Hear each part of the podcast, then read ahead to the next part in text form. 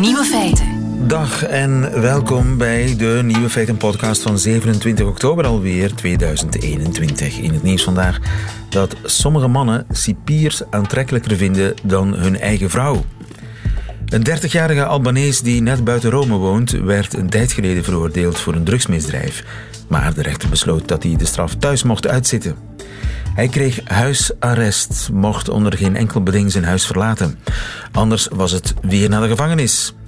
Maar na enkele maanden thuis met zijn vrouw verbrak de man zijn huisarrest en wandelde naar het dichtstbijzijnde politiekantoor.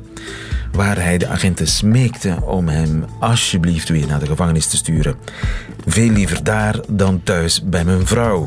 De agenten dachten eerst dat het een grap was, maar toen de man echt uitlegde eh, wat er aan de hand was, konden ze niets anders dan hem arresteren en naar de gevangenis sturen. De andere nieuwe feiten vandaag. Waarom eentjes altijd achter elkaar zwemmen, is eindelijk eens grondig onderzocht. Wat er gebeurt als je Joodse en Palestijnse tieners bij elkaar zet op zomerkamp ook. Het streamingconcert 2.0 toont aan de muzikant hoe zijn muziek overkomt. En de vogel van het jaar in Nieuw-Zeeland wordt wellicht geen vogel. De nieuwe feiten van Bas Birker die hoort u in zijn middagjournaal. Veel plezier. Nieuwe feiten. Is er iets meer vertederend dan een uh, rij jonge eendjes achter hun moeder of achter hun vader aan? Keurig in een rijtje aan het zwemmen. Disney zelf had het niet uh, beter kunnen bedenken, maar achter dat romantische beeld schuilen keiharde wetten van de fysica, zo blijkt. Dirk van Dijk, goedemiddag. Goedemiddag, leven. Professor natuurkunde aan de Universiteit van Antwerpen. Uh, collega's van uw wetenschappers, maritieme wetenschappers, hebben onderzocht waarom jonge eendjes in een rij achter mama of papa aanzwemmen. Hoe komen ze erbij? Interessant, ja. Waarom is dat zo interessant? Wel, eh, voor, voor de maritieme wetenschappen, dat zijn, er zijn universiteiten van, van Glasgow en ook van China die er gezamenlijk heel aan gewerkt hebben, omdat dat blijkt dat het veel energiebesparender werkt wanneer je uh, heel periodisch achter elkaar, zoals een paternoster, zwemt.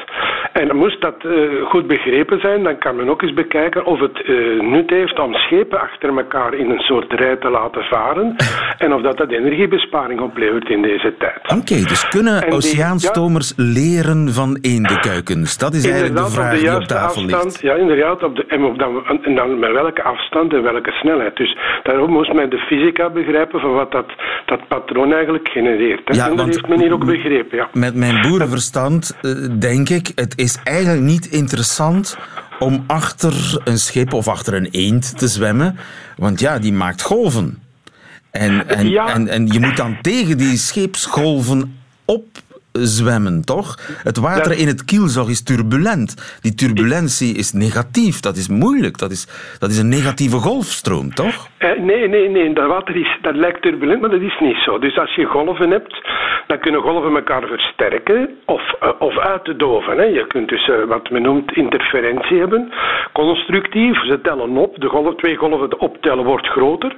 Maar als één golf op, op is en die komt samen met een golf die toevallig neer is, plus en min, eh, heffen elkaar uit. Dus je kan evengoed destructieve interferentie hebben, dus waarbij dat de golven elkaar verzwakken.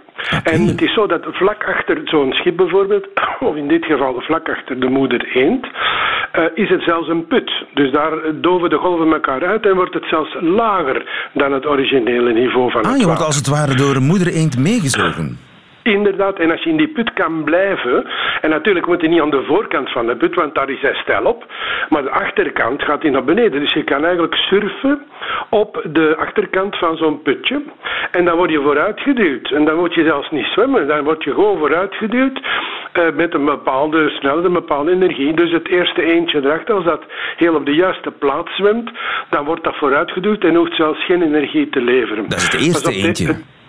Het eerste. Het tweede eentje is het effect minder. Dus het eerste eentje is ongeveer 58% van de normale energie, de zwemenergie die het nodig heeft, die het nu krijgt in de vooruitgeduwde richting, dus moet niks doen.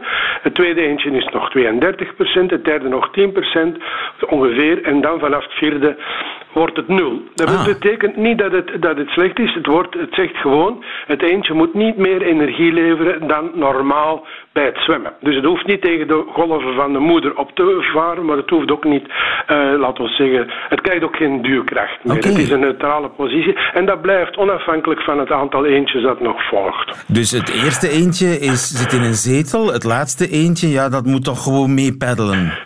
Ja, dat is juist. Maar, maar moest het, kijk, dat is juist. Maar, maar uh, moest het tegen de moedergolf op moeten zwemmen, in, als het op de verkeerde plaats zit, ja, dan moet het nog extra kracht hebben. Dus hier is het zo, het kan de golven onder zich door laten gaan. Pas op, het is niet zo dat, dat, dat gebeurt niet zomaar vanzelf. Het is omdat het op de goede plaats zit en de goede snelheid, dat het ook geen energie moet leveren. Anders, als het eh, in de gewone zee zwemt, moet het ook zelf een golf maken. En als die golf bijtelt bij die van de moeder, dan verhoogt energie. Dus dan, dan, dan is er energie kwijt aan de rest van het water. Dus hier kan het eentje neutraal zwemmen, alsof er geen golven zouden zijn. Ja, maar... Dat is ook een interessante positie. Ja, eh, cruciaal lijkt mij dus de afstand tussen de kuikens. Als die fout zit, dan, dan uh, stort dat die hele paternoster in elkaar. Absoluut, ja, maar het is ook wel zo. Ik kijk een beetje nu is men aan het onderzoeken waarom doen die eentjes dat. Die zijn natuurlijk niet zo slim om daar uh, wiskundige vergelijkingen op te lossen en dat dan oplossen. Uh, dat is een gevoel, hè. dat is een knikker die rolt in een kuiltje. Ze voelen het, het gewoon. Gevoel. Dat, Als het eentje in de verkeerde plaats zit, dan zou het wat rapper zijn of wat trager, tot het uiteindelijk op een plaats komt waar het stabiel is en dan blijft het daar zitten. Hè. Dat, is, dat is eigenlijk het gevolg. Maar men denkt ook wel dat het feit dat ook eentjes naar elkaar lopen op het land daarmee te maken heeft heeft. Ze, ze, hebben geleerd een patroon te herkennen. Pas op, dat is dan echt uh, voor, voor de biologen, niet voor de scheepsarchitecten. Maar toch, men denkt wel dat eentjes ook denken in termen van patroon. Dus ze volgen hun moeder in, op een constante afstand, ook op het land. Dus men denkt dat het dat meer een patroonherkenning is die eigenlijk bedoeld is om in het water voordeel te hebben. En dus we kunnen dat meten tot op de centimeter, die, af, die ideale afstand tussen de diverse eentjes. Absoluut. Nu zegt je meten, uiteraard, je kunt er op het water zien, maar hier is het geen experiment. Men heeft berekeningen gedaan met de computer. Men noemt dat computersimulaties. Dat is gevorderde hydrodynamica. Dat zijn wiskundige vergelijkingen die men kan oplossen om dan te zien waar zijn er plaatsen waar dat, dat gebeurt. En dan heeft men zelfs een formule gevonden die zegt op welke afstand die eentjes moeten zwemmen. En uh, in dit geval, als je bijvoorbeeld de moeder eend uh, zwemt met een snelheid van 3,5 km per uur, dan is dat ongeveer 60 centimeter. Hè? Ah, ja. Ja, en, het, en daar straks heb je gezegd, ja, het zou interessant kunnen zijn voor de scheepvaart wel. Die afstand neemt toe met de tweede macht van de snelheid. Dus bijvoorbeeld als, uh, als boten, schepen op tegen 50 km per uur zouden varen, dan is die afstand 120 meter. Dat lijkt mij al doenbaar. Dus schepen ah, die op 120 meter van elkaar. En dan heb je minder energie nodig. Ook voor die moeder eend en eentjes. De totale energie die nodig is om moeder plus eentjes te verplaatsen, is minder dan wanneer ieder apart zou zwemmen. dus, die dus- formatie zwemmen is energiebesparend. En dus ja, de natuur, de moeder, eentjes hebben dat proefondervindelijk ondervonden, maar nu kan men dat ook gebruiken voor de scheepvaart. Ik kan nauwelijks wachten tot ik uh, oceaanstomers met uh, als een soort eendenformatie aan de horizon zie vertrekken ja. richting verre oorden. uh, ja, het is een prachtig beeld, hè, moeder eend. Maar heb je dan ook een dik schip nodig en kleine scheepjes erachteraan? Uh, ja, nee, uh, ja, inderdaad. Hè, dat zou kunnen. Maar dat, dat, is nog maar een eerste stap. Ja, dat moeten we, nog, niet aan doen, dat moeten we nog uitzoeken. Ja, en natuurlijk in de natuur is het zo één moeder en kindjes. Hè, maar dus het zou eens kunnen dat... Uh, in hier heeft men zelfs, ik zeg het eventjes in de simulaties, een moeder in het vervangen door een ellipsoïde en dergelijke. Dat zijn allemaal ja. wiskundige modellen. Hè. Maar het is om eigenlijk eerst om te begrijpen wat is de reden. Dat heeft men niet begrepen. Men heeft de formules. En dan is de vraag, kunnen we dat nu ook simuleren voor grote schepen? Zo ja, lukt het? Uh, kunnen we dezelfde grootte houden en welke is dan de afstand, welke is de snelheid. Dus dat gaat zeker wel resultaat opleveren. Ja. Misschien kan de scheepvaart nog leren van de eentjes. Dirk van Dijk, dankjewel. Goedemiddag. Goeiedag, leven. Dank u. Nieuwe feiten. Lieven van den Houten. Streamingconcerten eh, zijn beter dan niks, maar het blijft toch behelpen, eh, zowel voor het publiek als voor de muzikanten, want die muzikanten hebben geen idee hoe hun muziek overkomt. Maar Jelle de Manet die werkt aan een oplossing. Goedemiddag Jelle. Goedemiddag. Jelle, je bent neurowetenschapper en tijdelijk ook concertorganisator, want je gaat een concert organiseren. Ja, inderdaad. Wat wordt het, heavy metal? Nee, nee, nee. Het wordt een, een klassiek concert die wij zullen organiseren. Samen met een, uh, eigenlijk een orkest, een uh, symfonisch orkest, Frascati uit Leuven. En jij werkt dus een, aan een streamingconcert 2.0 voor mocht het ooit weer nodig worden. Inderdaad. Hè. Dus natuurlijk in, in de lockdowns is iedereen, alle muzikanten, hè, hebben eigenlijk gedwongen geweest om andere oplossingen te zoeken. En wat we daar eigenlijk van feedback kregen van de, van de muzikanten, is dat zij weinig interactie natuurlijk met hun, met hun digitaal publiek gaan uh, ervaren. Ja. En jij uh, wil daar iets op vinden. chef Neven, goedemiddag. Goedemiddag. Chef, muzikant en ervaringsdeskundige qua streamingconcerten neem ik aan. Heb je, heb je er veel gedaan in de lockdown? Lieve, veel te veel. Ik denk dat ik er meer dan 150 heb gedaan. Dus, 150 streamingconcerten. En ja. dat is dan jij aan je piano? Ja, we hebben uh, eigenlijk vanaf het begin van de lockdown in onze eigen studio met een klein beperkte technische ploeg allemaal artiesten, dus collega's uitgenodigd. Dat ging van Gabriel Rios tot klassieke muzikanten, Nicolas Dupont viool, maar ook uh, singer-songwriters Jos Wegers. Dus we hebben een heel breed gamma uh, aan muziek ja. aan bod laten komen. Maar we hebben het er wel mee gehad, moet ik zeggen. Ah. Het was wel genoeg. Wat is het grootste probleem van die streamingconcerten? Ja, het, het grootste probleem voor mij is dat je natuurlijk geen directe interactie met een publiek hebt. We hebben dat een beetje proberen op te vangen door onze luisteraars en onze kijkers via een chatvenster commentaar te laten geven. Die werd dan voorgelezen, dus wij konden daar dan wel uh, live mee in contact treden. Maar dat blijft toch een beetje behelpen, want je zit via, via, ja, via tekstjes en de digitale weg te communiceren. Dat is helemaal anders dan een, dan een podium opstappen in een zaal en de energie van een publiek voelen. Dat is iets helemaal anders. En het is niet alleen het applaus dan dat je mist? Nee, je voelt ook letterlijk de aandacht. Hè? Dus ik zeg maar eens, als, je, als ik een soloconcert speel bijvoorbeeld en ik ga mijn laatste akkoord een beetje uitstellen om die spanning op te bouwen, dan voel je dat wanneer een publiek aandachtig is en letterlijk de adem inhoudt om die laatste noot mee te beleven. En, en, en dus dat inspireert mij als muzikant. Dat, heb, dat gevoel heb je uiteraard helemaal niet uh, als je over een streamingsconcert spreekt. Hè. Dan dus er zijn weg. diverse soorten stiltes. Je voelt een aandachtige stilte en ja. een verveelde stilte. Ja, absoluut. En je, je, er is nog iets heel bizar aan de hand. Soms heb ik het gevoel dat um, als je zelf niet genoeg uh, aandacht besteedt aan je publiek, dat een publiek zich ook, uh, moet ik zeggen, zich daarnaar gaat gedragen. Dus dat een publiek ook minder geïnteresseerd is en daardoor ook minder energie teruggeeft. Dus het is wel degelijk een wisselwerking. Ja, ja. Dus de aandacht die je zelf hebt, die krijg je terug. Ja, zoiets. Ja, zo en het is heel subtiel. Mensen denken in het publiek... Uh, ja, chef, die hoort dat niet als ik uh, even iets zeg tegen mijn buurman... of als ik even mijn, mijn mails tussendoor check. Maar, oh, dat is dodelijk. Chef, voelt dat wel, hè? Ja, ja, ja, echt. Het is, uh, het, het, dat herkennen we wel. Het, uh, je zit in de opera te kijken en plots haalt een mevrouw drie rijen verder een bonbon uit haar oh. chacos. En dat duurt dan anderhalve minuut of twee minuten, want ze wil dat dan zo stil mogelijk doen. Maar daardoor zit iedereen twee minuten lang niet meer naar de muziek te luisteren, maar naar het krakende papiertje van de bonbon. En jij hoort Zoiets. dat op het podium ook? Zeker. Aha. En jij hoort het minste gefluister? Denk het wel. Ja, ik ga ervan uit. Jij ziet het oplichten van telefoonschermen? Absoluut, ja. Want dat reflecteert op het gezicht, hè?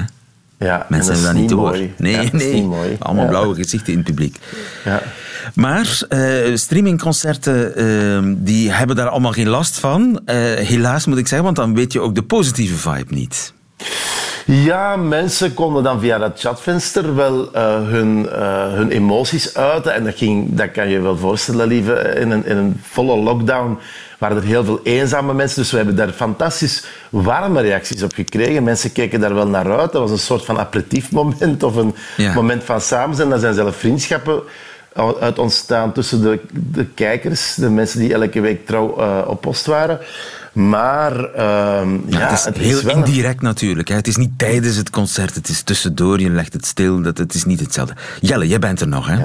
Ik ben er nog. Jij hoort hoe groot het probleem is hè, met streamingconcerten. Inderdaad. inderdaad. En inderdaad, met onze oplossing, allez, wij, gaan, wij pretenderen zeker niet dat we al die subtiliteiten op een digitale manier kunnen ook opvangen. Hè. Maar we gaan eigenlijk digitale tools gaan, gaan inzetten, hè, nieuwe tools die, die meer en meer beschikbaar worden, om eigenlijk toch een, op een soort manier die, die terugkoppeling van het publiek eigenlijk naar de andere deelnemers of andere luisteraars of kijkers terug te koppelen, maar ook naar de muzikanten. Dus ga jij camera's op mij zetten als kijker van zo'n streamingconcert? Ja, Inderdaad, dat is eigenlijk precies uh, wat dat we gaan doen. Ik weet dat dat uh, een, een, beetje een controversieel onderwerp kan zijn, maar we wilden ook eigenlijk tonen dat je die... Controversieel, je bedoelt met de privacy en zo? Met de privacy, ja. hè, want wat dat we effectief gaan, gaan doen, we gaan mensen naar een streamingconcert laten kijken en ze moeten zich natuurlijk eerst hun toestemming geven om hun webcamera aan te schakelen.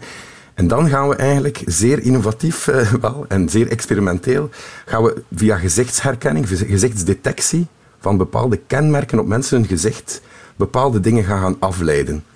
En dat real-time gaan, gaan terugkoppelen naar de andere luisteraars, kijkers en uh, de muzikanten. Bepaalde dingen, zoals tranen? Nee, tranen niet. Dus het is natuurlijk wel een, ook een uitdaging voor ons. Hè. Klassieke muziek is natuurlijk ook een...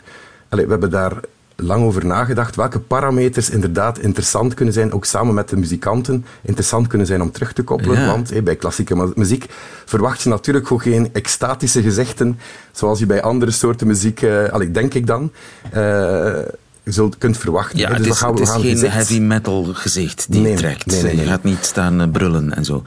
Uh, Nee, het is maar- natuurlijk nog een onderzoeksproject, dus Ja. we moesten wel een bepaalde keuze maken. Dus we, we hebben gekozen om emoties op het gezicht te gaan detecteren, dat te gaan groeperen en terug te koppelen.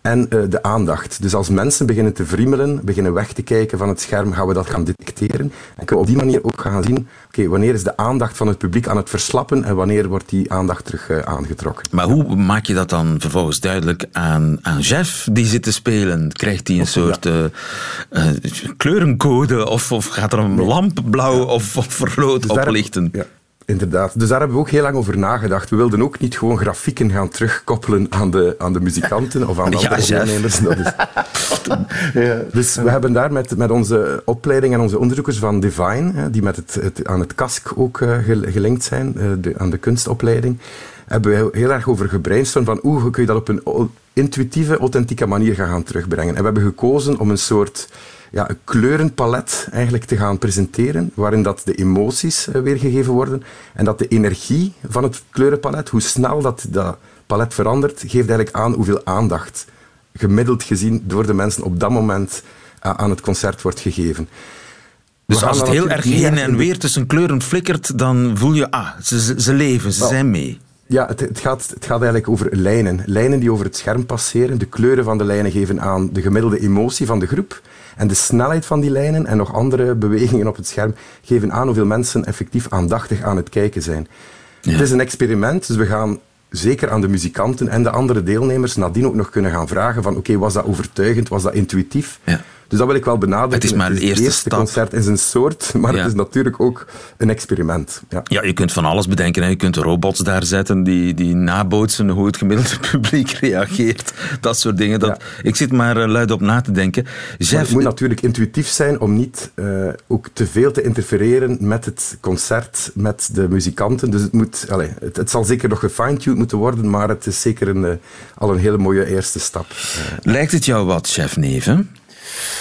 Dat- ja, Wat een ik- ik- enthousiasme. Ja, nee, ik, ik, ik, ik zit mij gewoon te bedenken of ik eh, tijdens het spelen van zo'n concert daar dan wel aandacht aan kan schenken. Want dat zou me wel eens kunnen afleiden misschien van mijn, mijn muziek maken op dat moment. Dat is natuurlijk een aandachtspunt, hè, Jelle? Ja, Het ja. moet simpel zijn. ja, het moet simpel zijn en we hebben daar een, ook over nagedacht. We zullen, niet ieder muzikant zal eh, effectief het scherm real-time kunnen bekijken. Dus het is aanwezig. Maar inderdaad, sommige muzikanten hebben daar wel nood aan, sommige niet. We gaan sowieso tussen de nummers door als een soort applaus, een soort gemiddelde geven van het nummer die net gespeeld is. Om ergens toch een soort feedback te geven zonder dat je de chats moet gaan, leven, Ja. lezen. Dus het is wel waar, het is sowieso iets... Heel ge- natuurlijk, muzikanten gaan dat ook willen die ook, ook niet afgeleid zijn door zijn informatie. Dus we gaan moeten dat evenwicht vinden. Een beleefdheidsapplaus, dat zal uh, niet mogelijk zijn. Het, het, nee. het, lijkt me ook een beetje angstaanjagend. Hè? Chef, keihard krijg je dan meteen het echte oordeel. Hè? Ja, stel je voor dat het scherm de hele tijd zwart wordt of zoiets. dus, uh, dat is ook boeiend, dan weet je toch ook ja, iets. Dat is, uh, ja, dan weet je ook van... Heel confronterend kan het ja, zijn. Hier, hier eindigt mijn carrière. Dus dat is, dat is inderdaad... dat is ook informatie waar we wel wat mee kunnen. Ja, maar hoe dan ook, het lijkt mij een heel boeiend experiment. En wie weet, uh, bij een mogelijke volgende lockdown, laten we hopen van niet dat hij er ooit uh, komt. Maar als hij er is, dan moeten we klaar zijn voor het streamingconcert 2.0. Chef Neven, dankjewel. En Jelle de Manet mag ik je er heel veel succes mee wensen. Goedemiddag. Dank u wel. Fijne Nieuwe feiten. Woensdagquiz. Het spannendste moment in elk geval uh, van de week. In een uh, hele week nieuwe feiten. De woensdag quiz. We spelen voor een boekenbon. Dat weet u ter waarde van 25 euro. Die u kan omzetten in een boek bij een handelaar. Aangesloten bij Confituur. De Federatie van Onafhankelijke Boekhandelaren. We spelen onder meer met Ellen. Goedemiddag Ellen. Goedemiddag. Ellen Slegers uit Melle. Waar was je mee bezig toen ik jou uh, lastig viel om mee te doen aan de woensdag quiz? Ik was aan het koken. Oh, wat staat er op het menu? Kip met pureepatatjes en appelmoes. Kip met appelmoes. Laat dat nu een van mijn favorieten zijn, Ellen. Maar ja, ik uh, ben veroordeeld tot de VRT-keuken, die natuurlijk ook niet te versmaden is. Je speelt tegen Roelof. Goedemiddag, Roelof. Dag lieve, goedemiddag. Roelof Stupker of Stoepker, wat zeg ik uit Kortrijk? Stoepker. Stoepker? Stoepker, ja. ja. Waar, waar komt die naam vandaan, Stoepker? Ja, dat komt denk ik oorspronkelijk uit, ergens uit Rotterdam, uh, volgens uh, wat mijn vader ooit zei. Je hebt Rotterdamse ja. uh, wortels met dokter Oetker of Uitker heb je helemaal niets te maken. Roelof, waar was jij mee helemaal bezig? Niets. Waar was jij mee bezig, Roelof? Ik, ik was een uh, beetje online aan het, uh, aan het werken, een beetje mijn, mijn, mijn klanten aan het, uh, Wat verkoop je? aan het contacteren. Wel, ik werk voor het beste toeleveringsbedrijf voor de horeca van Vlaanderen. Oké, okay. ik ben blij voor jou, ik ben heel trots. Ellen en Roelof, ik ga jullie kennis van vier nieuwe feiten testen. Ellen mag beginnen, want zij was, heeft zich eerst gemeld, zolang ze juist antwoord uh, blijft ze aan de beurt. Bij een fout antwoord gaat de beurt naar Roelof. En wie het laatste nieuwe feit goed kent, die wint deze quiz. Dat is duidelijk, veronderstel ik. Dan kunnen wij uh, starten. Nieuw onderzoek bracht iets aan het licht over James Bond. Wat heeft hij volgens dat onderzoek maar twee keer gedaan in 60 jaar? James Bond. Is dat A iets niet alcoholisch gedronken. Twee keer in 60 jaar. Hm? B. Een slechterik gearresteerd in plaats van hem direct te doden. C.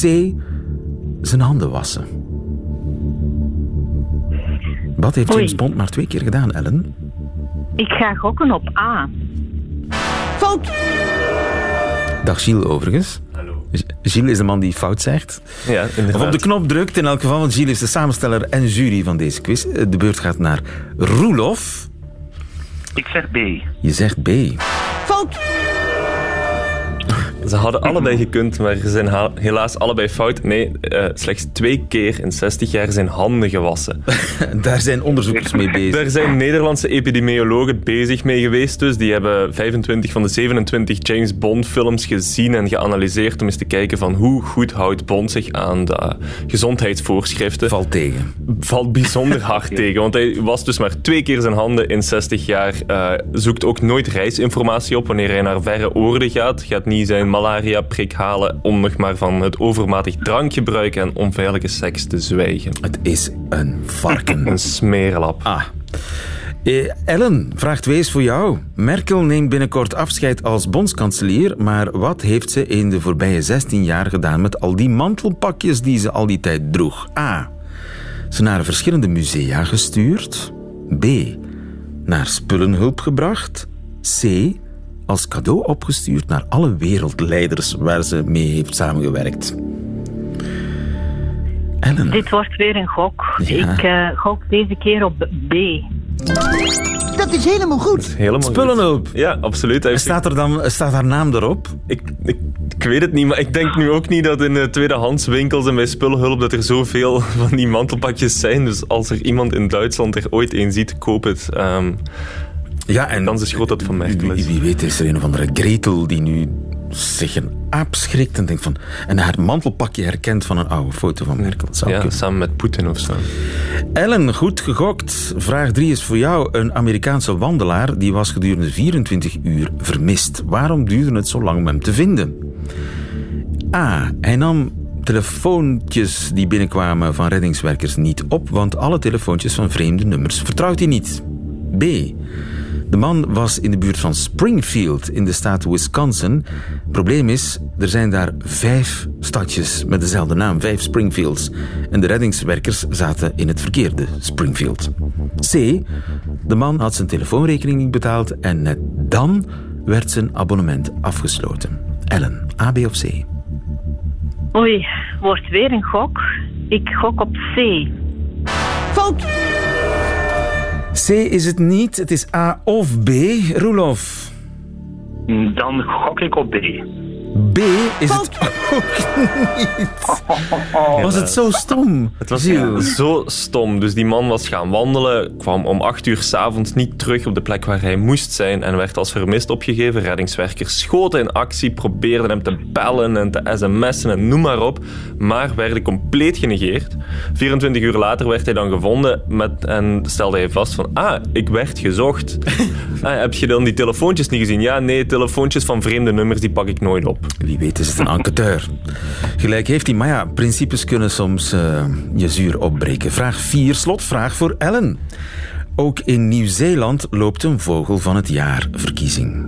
Wie is op dit, op dit moment, wie ligt er op dit moment aan de leiding? Wie is die vogel van het jaar verkiezing in Nieuw-Zeeland aan het winnen? A. Een ballon die al drie maanden boven Nieuw-Zeeland blijft zweven. B. Een puppy die werd opgevoed door ganzen en zich nu als een gans gedraagt. C. Een vleermuis. Geen van de drie is een vogel. En toch is één van de drie die vogel van het jaar verkiezingen in Nieuw-Zeeland aan het winnen. Ellen. Het is duidelijk een hele moeilijke quiz vandaag en ik ga gokken op C. Dat is helemaal goed. Ellen, dat betekent dat wij een winnaar hebben. Joehoe! Gilles, hoe kan een vleermuis de vogel van het jaar aan het eh, winnen zijn? Normaal wordt dat inderdaad niet gedaan. Normaal worden alleen vogels toegelaten, maar dit jaar besloot eh, de milieuorganisatie die de verkiezing organiseert toch eens een uitzondering te maken. De eerste in 16 jaar voor een zoogdier. En de vleermuis is dus volgens hen zwaar aan het winnen. Oké, dat eh, wordt nog spannend. Roelof, helaas, eh, het zit er niet in voor jou. Toch goed gespeeld. Het was een heel moeilijke quiz waar, eh, waarin volop werd gegokt. En goed gegokt door Ellen. Weet je al welk boek je gaat kopen met je boekenbon? Het zal een Spaans boek worden, denk Een ik. Want ik Spaans volg boek? Spaanse les. Spaanse Ik les? volg Spaanse les, dus ik, eh, ik moet een Muchas beetje oefenen. gracias. Geweldig. Ellen, ik eh, mag je er heel veel eh, plezier mee wensen. En dankjewel om mee te spelen aan deze woensdagquiz die volgende woensdag gewoon terugkeert. Radio 1. Nieuwe feiten. Living with the Enemy, dat was, herinner ik mij, ooit een geweldig BBC-programma. eh, letterlijk leven met de vijand. Zo was er een, eh, herinner ik mij, een aardsconservatieve adellijke dame die een week lang moest logeren bij woonwagenbewoners. En heel gechoqueerd was toen ze haar gevoeg op een emmer moest doen. I had to perform on a bucket. Eh, ik ken hem ook zo een eh, homofobe hooligan die een week lang logeerde bij eh, een soort van showbiz Bart en mee moest naar de homofuif, top tv. Na afloop van elke aflevering bleek dan of de voormalige vijanden nader tot elkander waren gekomen of niet. En ik moest aan dat programma denken toen ik hoorde van een heel boeiend project in Israël. Pedro de Bruikere, goedemiddag. Een goedemiddag. Pedagoog. Seeds of Peace, zo heet dat project. En het loopt al jaren. Hoe zit dat in elkaar? Het is een project waarbij uh, jongeren uit uh, tieners, zowel uit Israël als uit Palestina, gedurende drie weken samen op kamp gaan. Aha. En dat loopt al sinds 2011. Het loopt waarschijnlijk al langer. Maar men heeft met de groepen tussen 2011 en 2017 een onderzoek gedaan over hoe vriendschap ontstaat. En wat heel opvallend is, want we hebben hier dus twee zeer verschillende groepen. Maar als men koppels vormde of groepjes vormde van uh, verschillende achtergrond, maar men liet die samen eten, men liet die samen in één uh, bunk slapen, dus in een, een kamer voor tien personen, dan bleken de vriendschappen veel sneller te ontstaan bij die groep die bestaat uit verschillende achtergronden, dus die heel erg verschillen, dan dat de vriendschappen zomaar ontstonden en bleven, bijvoorbeeld de Israëlische jongeren met Israëli Israëlische jongeren en Palestijnse jongeren met Palestijnse jongeren. Dus uh, als ik het goed begrijp, uh, waren gingen de vriendschappen tussen mensen die elkaar eigenlijk niet kenden, gingen die vlotter tussen jongens en meisjes van verschillende achtergronden. Ja, en de onderzoekers waren daar een stukje van positief verrast. En ze merkten gewoon dat als je genoeg nabijheid had, heel, doorheen heel het artikel uh, gaat het heel erg over nabijheid, hoe vaker dat je elkaar kende, hoeveel meer dingen dat je samen deed, samen eten, samen slapen, niks verkeerd bij denken of iets uh, promiscu bij denken, maar gewoon op dezelfde kamer slapen, hoe meer contact er was, dan zagen ze dat dat een veel groter effect had op de vriendschap dan bij, uh, dan bij die jongeren die van een verschillende achtergrond waren, dan bij jongeren die van dezelfde achtergrond waren. Dus de, de vijanden op papier werden vrienden. Ja, en zelfs makkelijker dan de vrienden op papier. Ja, en, en de onderzoekers waren daar een beetje van verbaasd. Maar wellicht denken ze van, dit heeft misschien te maken dat mensen die al te veel op elkaar lijken, in het begin wel investeren, maar daarna ook wel verder willen kijken. En het is wel belangrijk, dit project liep over drie weken altijd dat kamp. Dus ik denk dat dit er wel mee te maken heeft dat uh, je echt een nieuwe wereld leert kennen en ook heel veel met elkaar kan delen van ervaringen die de ander nog niet had. Aha, en daardoor ontstaan die vriendschappen tussen mensen van verschillende achtergrond misschien zelfs vlotter dan tussen mensen met dezelfde achtergrond. En dus het heeft niet alleen met de fysieke nabijheid te maken. Uh, nee, ik, ik, denk dat het ook echt de maar fysieke ook nabijheid met speelt. de fysieke ook, ja. ja. Ik bedoel, uh, ze trekken met elkaar op, maar ze gaan ook natuurlijk met elkaar dingen samen doen. Ze gaan met elkaar praten. Uh, men heeft een pretest gedaan waarbij ze ook keken van in welke mate zijn er gelijkenissen? Dat gelijkenissen kan zijn zowel qua gender, zowel qua achtergrond, Israëlisch-Palestijns, ook qua overtuigingen.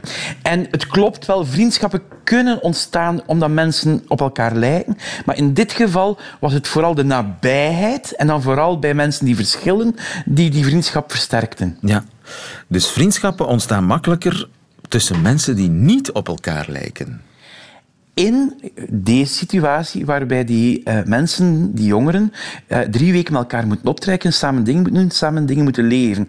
Want ja, het is niet zomaar als je elkaar nooit tegenkomt, dat je vrienden gaat worden natuurlijk. Maar als je op een of andere manier verplicht wordt door de omstandigheden om samen te zijn, dan ga je makkelijker contact zoeken met iemand ja, die, van een ander geslacht bijvoorbeeld, of uit een andere groep, van een andere achtergrond. En daar zeg je iets heel belangrijks, want dit is feitelijk goed nieuws. Dit wil zeggen, als je mensen samenzet, dat de vriendschap kan ontstaan. Want voor alle duidelijkheid, die jongeren konden niet kiezen met wie ze gingen samen eten, of ze konden niet kiezen met wie ze gingen samen slapen, of samen dingen doen. Dus er werden in feite willekeurgroepjes gevormd, die door hogere hand beslist werden. De mensen die de groepjes maakten, die kenden ook die jongeren niet, dus die konden ook geen voorkeuren hebben. En toch ontstonden die vele vriendschapsbanden. Ja, en is dat eigenlijk een soort nieuwsgierigheid die dan aangewakkerd wordt? Ik ben wel nieuwsgierig hoe dat zit met jou. Ja, en dat is ook een beperking van het onderzoek tegelijkertijd. Want het zijn natuurlijk wel jongeren die zich opgegeven hadden om op zo'n kamp te gaan. Ah, zo'n gemengd uh, Joods-Palestijns kamp. Ja, dus die hebben al waarschijnlijk een zekere openheid. En daardoor zijn ook de onderzoekers natuurlijk voorzichtig om te zeggen van dit gaat bij iedereen altijd lukken. Er is natuurlijk één element, het zijn jongeren die erom kiezen om de ander te leren kennen. Dus dit kan waarschijnlijk ook wel een stukje de resultaten mee verklaren.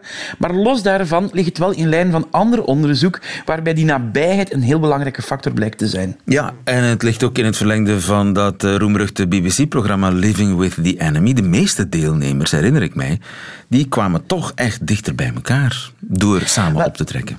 Eh, Het is in feite ook. eh, soms hoor je stereotype uitspraken over bepaalde bevolkingsgroepen. Eh, die bevolkingsgroep is lui of die bevolkingsgroep werkt heel hard. Maar eh, dan is het heel vaak. Maar die persoon uit die groep die ik ken, ja, maar dat is een andere. Ja, ja. En dat is natuurlijk weer die nabijheid. Ja, da- mijn buurman is een goeie, maar al de rest. Juist, ja. Inderdaad. Pedro de Bruikere, dankjewel. Goedemiddag. Goedemiddag. Nieuwe feiten. Ziezo, dat waren ze, de nieuwe feiten van 27 oktober 2021.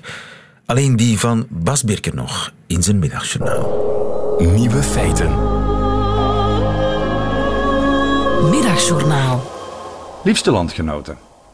Onze gevels moeten worden gerenoveerd. En voor u zich op Twitter begeeft om grappen over mijn hoofd en de borsten van vrouwlief te maken, ik heb het hier wel degelijk over de stapel stenen die de grenzen van onze mansion in Merkse markeren. De grootste ondernemers investeren tegen de crisis in. En aangezien ik mezelf veel meer zakelijk inzicht toedicht dan ik heb, leek mij het tweede corona-interbellum een mooie tijd voor verbouwingen. De bank was dat trouwens niet met me eens. Jullie zitten na anderhalf jaar afgelaste shows niet echt warmpjes bij, sprak de bankier. Dat klopt, zei ik. En dus isoleren we de gevel. Dan is dat al opgelost. Bovendien kunnen we zo voor de vierde golf vast in zelfisolatie. Geen speld tussen te krijgen. Na het opvragen van ettelijke offertes, waarvan er maar liefst twee ook daadwerkelijk kwamen, viel onze keus op een bedrijf vol bebaarde bouwboys uit de Noorderkempen. Een juiste keus. Op de afgesproken dag, op het afgesproken uur, stonden ze op de afgesproken plaats. Elke Vlaming weet dat dat een prestatie is. De meeste aannemers bellen vaker af voor werk dan Conor Rousseau voor showrepetities. We rekenden op weken vol stof, puin en bevlekte toiletten. We kregen keurig werkende vakmannen. Klein minpuntje, het zijn Roemenen. En voor u mij beschuldigt van discriminatie, hun afkomst is niet het probleem. Sterker nog, ik noem ze standaard de drie wijzen uit het oosten. Oké, ze zijn met vijf, maar het kunnen niet allemaal de scherpste mensen in de schuif zijn. Het probleem is communiceren. Ik spreek geen Roemeens en zij spreken geen Nederlands. Dus spreek ik Kempies met hun baas, die dat vertaalt naar Engels voor de voorman, die dat vertaalt naar Roemeens voor de rest. Maar het grootste deel van de dag is de baas er niet. En dan is het aan mij om Engels te praten. In een opwelling van welwillendheid las ik me in in de belangrijkste vertalingen van bouwbegrippen. Ik weet nu alles van drainage, concrete en stucco. Klein probleempje, de Roemenen niet. En dus ben ik sinds enkele weken ingewijd in de wonderenwereld van het Rengels. Met de R van Roemeens. Dat is een slecht uitgesproken Engelse variant waarbij alle specifieke begrippen worden terugvertaald naar het Nederlands. Gisteravond hoorde ik mezelf zeggen: So you come back on donderdag and then you put the primer grondlaag on and then vrijdag de eindlaag. And you also do the pijpen then? De drie wijzen uit het oosten moesten lachen. No pijpen. We are bouwvakker. No sex slave. Blijkbaar is het Rengelse woord voor regenpijp gewoon afvoer. Nog twee dagen en ze kunnen me pijpen. Eh, afvoeren.